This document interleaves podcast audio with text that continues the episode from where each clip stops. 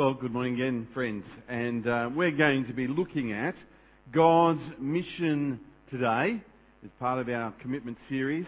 And we're going to consider what God wants us to do in our life. Let's pray. Lord, we would want to know and do your mission. We ask that you would speak to us this morning that we may do your work here on earth. And we ask this in Jesus' name. Amen. God has always wanted a people for himself to lavish his love and grace and favour. And he called Abraham to be the person who would show the, the love and awesome power and character of God. It was Abraham who was to bring the name of God to great honour to the world. And the people of God, they were to, to revere him and they were to tell the nations what God is like. In the time of Moses, some 400 years later, God's promise of his special people to reflect the glory of God to the nations had not been fulfilled. And God was calling his people out of Egypt to tell the world what God was like and how God saves his people. So in Exodus chapter 3, the chapter immediately before what Daniel read to us just then, Moses had an encounter with God that sets the stage for the rest of the book of Exodus. In the middle of nowhere, uh, here Moses comes to a burning bush, and it's an odd burning bush, and he, he, he's told by God, this is holy ground, and take your sandals off, and God is holy. And as the message that was given by God, he, it was Moses who was going to fulfill this promise to save his people. God was wanting all people to, of his own. And he wanted to bless them, but he also wanted to bless the nations. And he wanted his people to be a beacon to the nations. Today is no different. The glory of God is our greatest goal. God's glory. It should be in our, in our hearts and minds each day. May His name be honoured in our hearts. And may the hearts of all people who walk on this earth acknowledge their Creator, Saviour God. And God's mission was to bring His people to Himself so that He might be honoured. Let me continue in the story of Moses in, uh, and God's mission. In Exodus 3, God revealed himself as the great rescuer of Israel. And Moses, he was to be the vessel by which this was to be accomplished. And this is the thing, instead of rejoicing over the incredible opportunity to be used by God, Moses started to make excuses and said to God why he can't do what God asked him to do. And Moses' first excuse went like this. What if they don't believe me or listen to me? We read in verse 1. Then God, instead of using mere words to Moses, God answered with actions by turning, we, we read, the staff into a snake and then giving him leprosy for a moment and then talking about how the Nile River was to be changed into blood. This was God's way of saying to Moses, stop making excuses. I'm going to be with you. I'm going to help you and I'm going to do, you're going to be, I'm going to be with you in all this. But instead of trusting God and moving forward, Moses continues to make excuses. Lord, I've never been eloquent, neither in the past nor since you have spoken to your servant. I am slow of speech and tongue, he says to God. Really? slow of tongue. Here Moses is, is before the holy God speaking to him and this is the all-powerful God and he had to take off his shoes at this burning bush and he's worried about a stutter that he might have as he speaks to Pharaoh. As if, as if this whole mission that God had is dependent upon his ability to speak. He thought he was going to blow God's rescue mission.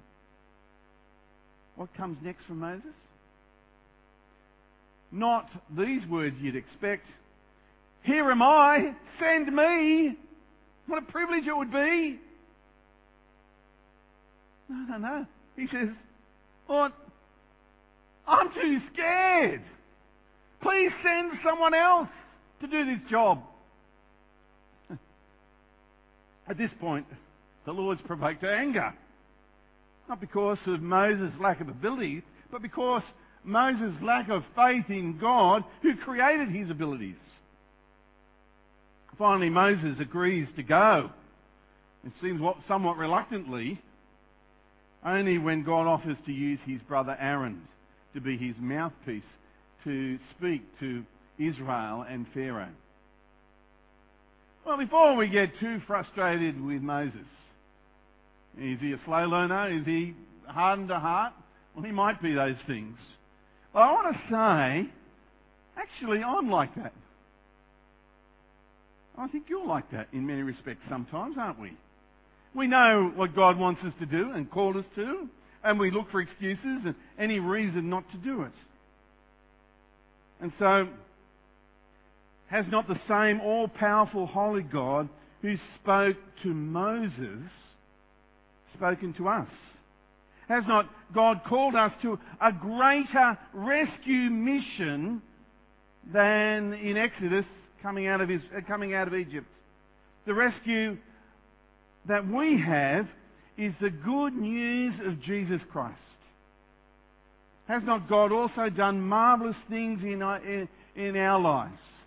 We especially know the forgiveness and peace that God gives us through Jesus coming into this world and living and dying and rising again so that we can be God's friends. What a mission that would be if we proclaimed that. But Moses, his mission, he thought it was too much. He had a problem. He, he was looking at the mission impossible, mission impossible before him. Rather than looking at the one who would laugh at the impossible. Just like Moses. We often do the same, don't we? We, we hear the Great Commission, how we've got to go and tell others about Jesus, and immediately give excuses why we cannot tell others about Jesus. The truth is, truth is excuses ultimately come from assuming God's mission is ours when reality it never was our mission. God is the one who accomplishes his own mission and we are merely vessels by which God works through. So stop making excuses. Stop making excuses saying, I can't do that, Lord. Start walking by faith each day, knowing that God is with us to do the job He wants us to do. If a commission by an earthly king is, is considered to be an honour, how can a commission by a Heavenly Father we consider to be a sacrifice that is too much? The Great Commission is not an option to be considered, but a command to be obeyed. You see, God's honour matters because He is God. And we, we are His people. Lost people matter to God. And so they must matter to us. John Piper rather eloquently said this about this matter. God is pursuing with omnipotent passion a worldwide purpose of gathering joyful worshippers for himself from every tribe, tongue, and people and nation. He has an inexhaustible enthusiasm for the supremacy of his name among the nations. Therefore, let us bring our affections into line with his, and for the sake of his name, let us renounce the quest for worldly comforts and join this global purpose. William Booth, the, uh, the founder of the Salvation Army, said this about the Great Commission. Not called, did you say? Not heard the call, I think you should say. Put your ear to the Bible and, and, and bid you to go and, and pull sinners from the, the fires of sin. Put your ear to the burdened, agonized heart of humanity and listen to the, the pitiful wail for help. Go stand at the gates of hell and hear the damned entreat you to go to their father's house and bid their brothers and sisters and servants and masters not to come there. Then look Christ in the face, whose mercy you, you profess today, and tell him whether you will, with all your heart, soul, and body and circumstances, publish the glory of God abroad. You see, we have a huge mission. So uh, let me, let me ask a question that you to answer in your head this morning. What is the Holy Spirit saying to you today? Listen to what he's saying. He's saying to you and me that we have an incredible God who is holy and powerful and righteous and loving and lavishes grace upon us. And he wants all people, all people to be saved. And he wants you to take up your cross daily and die to self and serve the risen Lord Jesus every day of, that, of your life that God gives you. He, he wants, he wants all of us. Not just a couple of hours on, on Sunday morning in a week. You see, Jesus sacrificed his life so that we can be in a relationship with him. And, and he wants us to be a living sacrifice for him. So I want to say we're not, we're not into making excuses anymore. We are here for a purpose. To do God's will and do His mission in our life. Our life is too short. Each day we're advancing in the queue a few steps to that appointment with God that we'll have with Him one day. So don't don't live in the reception room and waiting to go to heaven and doing nothing in the meantime. Live out. Live out the rest of our life serving the Lord Jesus and Him alone. God has not finished with you and me. I'm not a prophet when I say that. The reason why God is not finished with you and me is you're not in glory yet. We have a job to do here on earth. And we need to go and do it while we have time.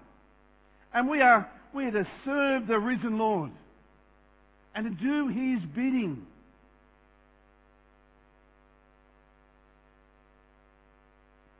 Let me say, the best years of your life are still ahead of you. With God's help, we can make a difference to the, the people in our family, in our community, in our church, in your workplace. We can. Because God wants us to and empowers us to. So, I want to release us to, okay, today it's serving Jesus all of my life. I want to give a bit of a background on some of the things that are happening in our church, even in the next 12 months. And um, someone who's in perhaps the, the seat that steers uh, the ministries here. I want to say in the next 12 months, we're going to face a huge challenge as a church. Maybe, maybe the greatest challenge we've ever had to face as a church. We're undertaking to grow the kingdom of God in our time. I just want to say the baton has been passed on to you and me. It is our day. We're not going to rest on our laurels of what happened, say, when the church was built and established 20 something years ago. It is our day. And we are responsible for serving the Lord and doing His bidding now. And we are the kingdom builders in our day. We are. Now, we, we've heard about Mark Collins and how he has a mission, and we, we have a passion, don't we, of, of reaching the people in the, in, in the Marsden Park area. We hear about next year that uh, we're wanting to put a church plant in that area that, that uh, you know, is not quite developed yet, but we have a, a massive passion that these people will come to know Jesus. And you know what? Some of you are going there. God bless you. Some of you are supporting and praying. God bless you. It is, it is being true to the calling of God if you're going there. And we want to do whatever we can to help that ministry develop even further.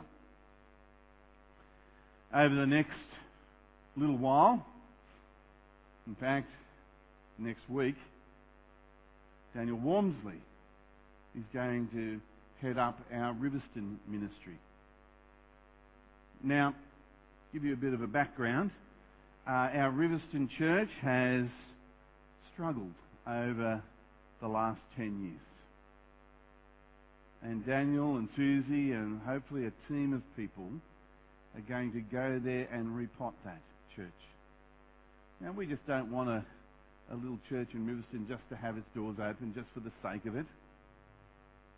We want a beacon in Riverstone. Not only do we want a beacon in Riverstone, we know that there's going to be 65,000 people living in Riverstone in the next 15 years. My golly, we need that place open. We need a vibrant community there. We need the love of God being proclaimed there. So, yes, we say to Daniel and Susie and the others, God bless you as you go there. But what about the rest of us? What about the rest of us? I say, I say very clearly, nothing's changed. Business as usual. There are 100,000 people living in our backyard that need to know Jesus. And we not only need to know Jesus, they need to be spared a, a Christless eternity for them. And may God use us to be his vessels. So, I've said it before, I'll say it again, because it's got to come from within. Hell is a hot place. And eternity is a long, long time. Friends, we've got to have a heart to bring the lost to Jesus. Because it's so important. Yes, yes, we need the, the Paul-like people, the Apostle Paul, the sent ones, the one who go and do church planting. Yes, we need those people, of course. But we also need the Timothy type people, the people who stayed back and grew the church of God where they are. And that's most of us here this morning. So I want to say, friends, today I want us to step up. Step up because it matters. God's mission matters. People matter. And we need to be serving God in a very, very focused way. You know, all of us are going to die one day. Why don't we die on the right hill? And that is serving Jesus and proclaiming Him in our lives. We're not here to, to lead a comfortable life and have, a, have our little house and, and family around us and, you know, and, and feel good and, and focus on our superannuation and our retirement or our travel or experiences. And it's all about me, me, me. No, no, no, it's not about me, me, me. not at all. We're going to, we're going to lay down our lives for Jesus. What, what does dying for Him look like? It looks like giving up your will to do whatever you want to do. And doing what we can to honour the name of God in our lives and the people we, we might influence.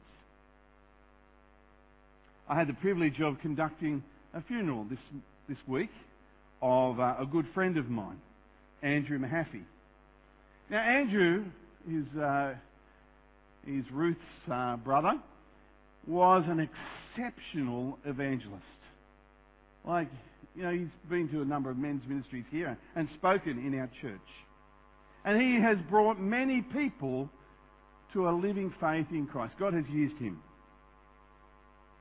And at the age of 54 years, he was taken home to be with Jesus.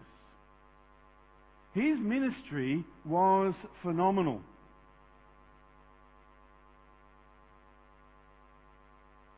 Friends, we also have a huge task ahead of us. And I just want to say, until our last breath, we need to stay on track. We need to keep going. We need to serve the risen Lord and do His ministry and not be about ourselves.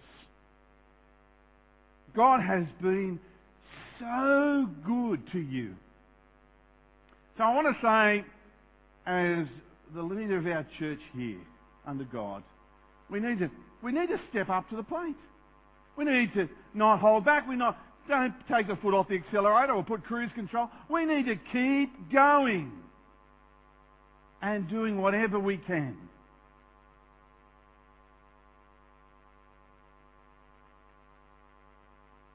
And I want to invite you to join me in serving the risen Lord Jesus this day. I want to invite you to take up your cross and die to self and live for Him. Spend time in His Word and prayer. You know, roll up your sleeves. Get, get involved in people's lives. You know, think of what God wants you to do.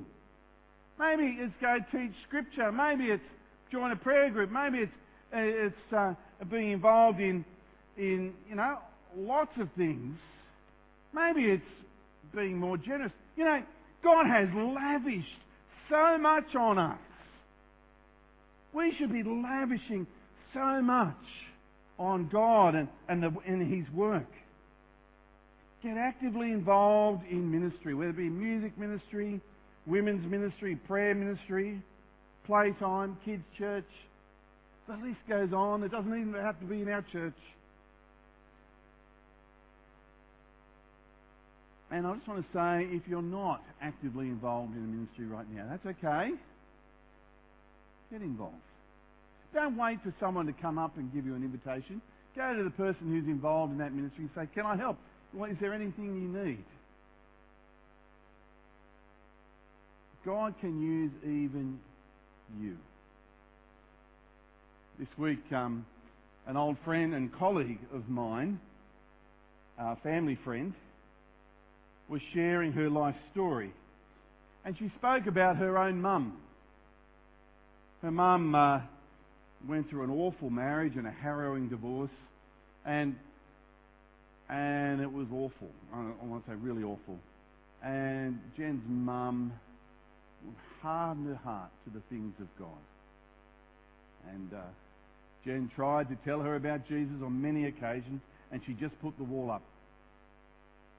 Well, Jen happened to be the tennis partner with John Chapman for 10 years. Now, if you know anything about John Chapman, he would have to be the, the best or the greatest evangelist Sydney has ever produced. And she was partnering John in tennis for about 10 years. But she still hardened her heart. She resisted all the way through. And, and it wasn't until she was 74 years of age she became a real born again Christian and that radically changed her life. Radically. And it happened in a most unusual way. Her car broke down one day, and uh, she rang up the NRMA and asked them to come out and help her. And uh, the NRMA road service guy came out and fixed the problem, and uh, obviously they were talking. And uh, this young bloke was just telling her, you know, just having a nice conversation. And he said to her, You know what? You need to come to know Jesus. And she thought about that. And she did it that very day. And it's not been the same for this lady since. A, an ordinary person, just like you and me, a mechanic, was the vessel by which this lady became a Christian. it wasn't the great evangelist who had enormous connection with her. We don't fully know what our actions will be in eternity.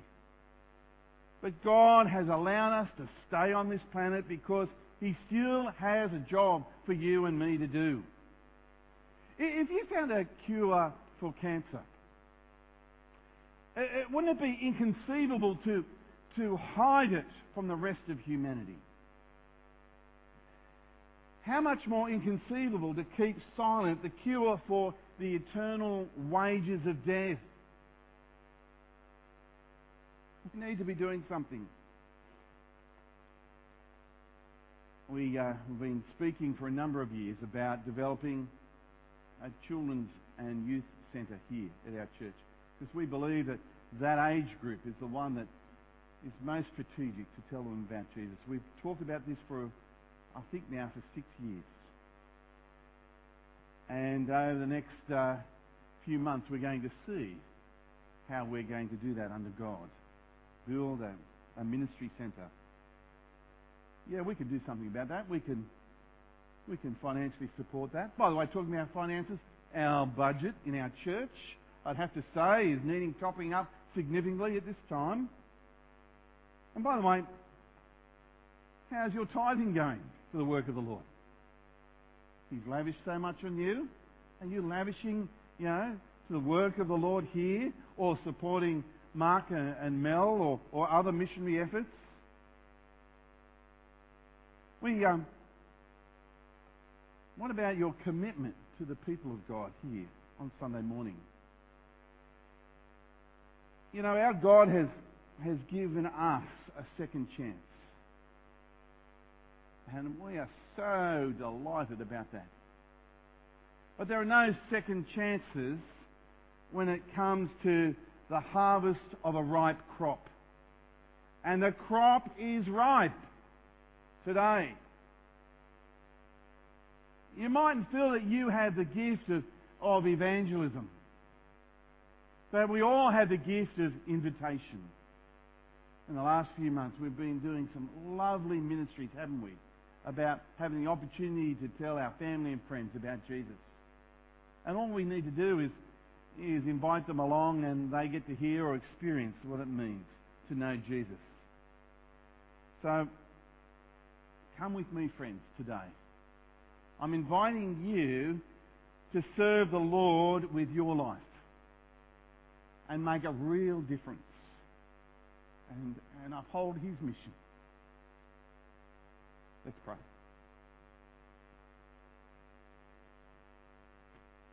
Heavenly Father, you are to be loved and glorified, for you are an awesome and mighty, you are loving, and you are kind. With every breath that we take, may we serve you and make a difference in, in our lives and others. Lord, here I am. Lord, use me, even me, to honour you and, and, and exalt your name and grow your kingdom. Help us to serve you well through all our lives. And we pray this in Jesus' name. Amen.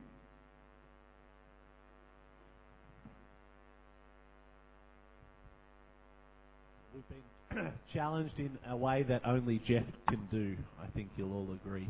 Um, one of the things that Jeff mentioned is that uh, some of us are, are Pauls. We, we are called to go. Others are, are called to be more like Timothy, to stay and do the groundwork here. Um, next, over the next two weeks, we're really going to push the what does it mean for those of us who are here. Um, how are we going to come up with strategies? How are we going to come up with plans? How are we going to make a difference here? Uh, but for the next little while, we want to talk about those going. And in particular this morning, um, we want to focus on Riverstone. Um, Dan, can you tell us what's been happening uh, in that part of our family, of our, of our growing church here? Yeah, I know that we've talked over the year a little bit about um, some of the financial struggles we've had with budgets across our churches. Uh, that impact has been quite heavy on. Or listen to me and say, The Lord did not appear to you. Then the Lord said to him, What is that in your hand? A staff, he replied. The Lord said, Throw it on the ground. Moses threw it on the ground, and it became a snake, and he ran from it. Then the Lord said to him, Reach out your hand and take it by the tail. So Moses reached out and took hold of the snake, and it turned back into a staff in his hand. This, said the Lord, is so that they may believe that the Lord, the God of their fathers, the God of Abraham, the God of Isaac, and the God of Jacob, has appeared to you. Then the Lord said, Put your hand inside your cloak. So Moses put his hand into his cloak and when he took it out, it was leprous, like snow. Now put it back into your cloak, he said. So Moses put his hand back into his cloak, and when he took it out, it was restored, like the rest of his flesh. Then the Lord said, If they do not believe you or pay attention to the first miraculous sign, they may believe the second. But if they do not believe these two signs or listen to you, take some water from the Nile and pour it on the dry ground. The water you take from the river will become blood on the ground. Moses said to the Lord, O oh Lord, I've never been eloquent, neither in the past nor since you have spoken to your servant. I am slow of speech and tongue. The Lord said to him, Who gave man his mouth? Who makes him deaf or mute? Who gives him sight or makes him blind? Is it not I, the Lord? Now go, I will help you speak, and will teach you what to say. But Moses said, Oh Lord, please send someone else to do it. Then the Lord's anger burned against Moses, and he said, What about your brother, Aaron the Levite? I know he can speak well. He is already on his way to meet you, and his heart will be glad when he sees you. You shall speak to him and put words in his mouth. I will help both of you speak, and will teach you what to do. He will speak to the people for you, and it will be as if he were your mouth and as if you were God to him. But take this staff in your hand so you can perform miraculous signs with it.